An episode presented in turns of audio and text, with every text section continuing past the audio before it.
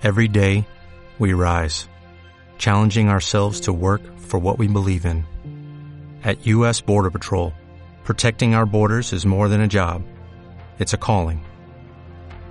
Agents answer the call, working together to keep our country and communities safe. If you are ready for a new mission, join U.S. Border Patrol and go beyond. Learn more at cbp.gov/careers. En aquest passat i assenyalat diumenge s'han celebrat a França la primera volta de les eleccions presidencials, un altre matchball al projecte de construcció europea. La victòria al País Gal de l'extrema dreta de Marine Le Pen i de l'extrema esquerra de Jean-Luc Mélenchon significaria l'estocada definitiva a una integració trontollant i en hores baixes.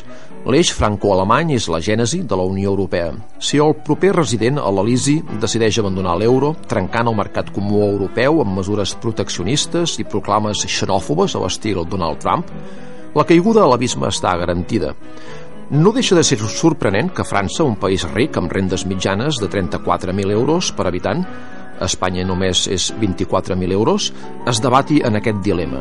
L'ascens dels extremismes polítics es produeix quan la població està profundament descontenta del seu govern i la situació socioeconòmica és dolenta. En situació de relativa bonança econòmica, ningú s'aventura a iniciar viatges totalitaris amb destí a l'opressió i socialismes autoritaris amb destí a la misèria. L'elevadíssima despesa pública, equivalent al 58% del PIB de França, són 19.000 euros per habitant, i expressió de l'arrelat jacobinisme keynesià, ha estat incapaç de vertebrar socialment el país veí i reactivar-lo econòmicament. De fet, els registres de creixement econòmic de França són molt pobres i anèmics. 0,2% 2012, 0,6% 2013, 0,6% el 2014, 1,3% el 2015, només l'1,2% el 2016. Clarament insuficients per oferir un futur esperançador als joves francesos i per integrar els també francesos descendents d'immigrants en segona o tercera generació. Els extraradis de les grans ciutats, les tristament famoses banlieues, es converteixen en guetos excloents i en perillosos focus d'incubació d'idees jihadistes.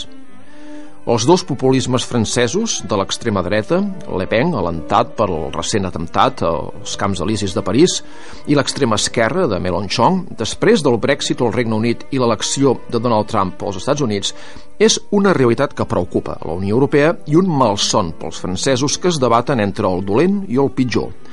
Mélenchon, a diferència de Le Pen, no ha dit que traurà a França de la Unió Europea, però segueix mostrant-se molt crític amb les institucions europees i ha dit que vol renegociar els tractats.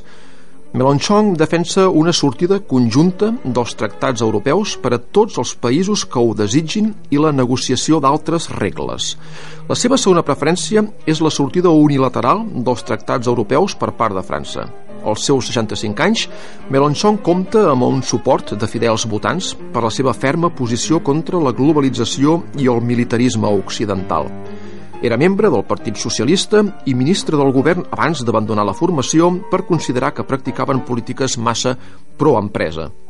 Mélenchon proposa un paquet d'estímul de 100.000 milions d'euros per ajudar a combatre la pobresa, millorar els serveis públics i protegir el medi ambient preveu una despesa addicional del govern de 173.000 milions d'euros més per impulsar el creixement amb més de dos punts percentuals a partir del 2018 i crear més de 3 milions de llocs de treball.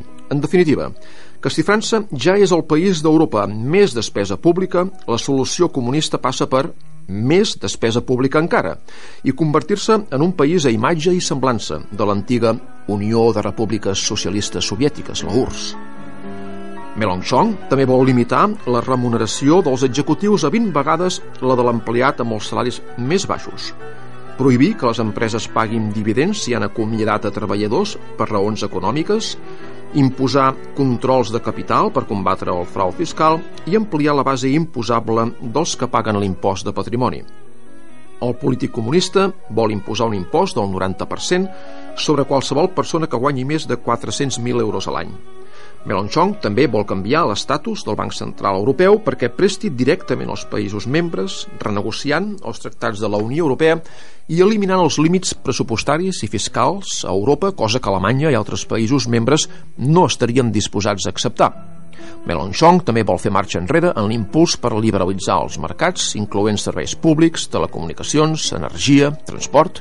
El candidat ha promès nacionalitzar les empreses d'autopistes, els proveïdors d'energia, Electricité de France, però en canvi no nacionalitzar els bancs com va prometre Mitterrand en el seu dia. Pel que fa a la candidata ultradretana a les presidencials franceses, Marine Le Pen, és molt més extrema en el seu escepticisme amb la Unió Europea proposa directament sortir de l'euro, restablir el franc, dinamitar l'eurozona, perquè està convençuda que l'euro morirà, i diu que per evitar el caos que es podria generar per una desaparició abrupta cal fer-ho amb concertació. La presidenta del Front Nacional també vol deixar d'aplicar immediatament la lliure circulació dins de l'espai Schengen i restablir controls sistemàtics a les fronteres franceses. Le Pen pretén controlar la immigració i suspendre visats, ja que per ella és un pes que s'ha fet insuportable des del punt de vista econòmic i social.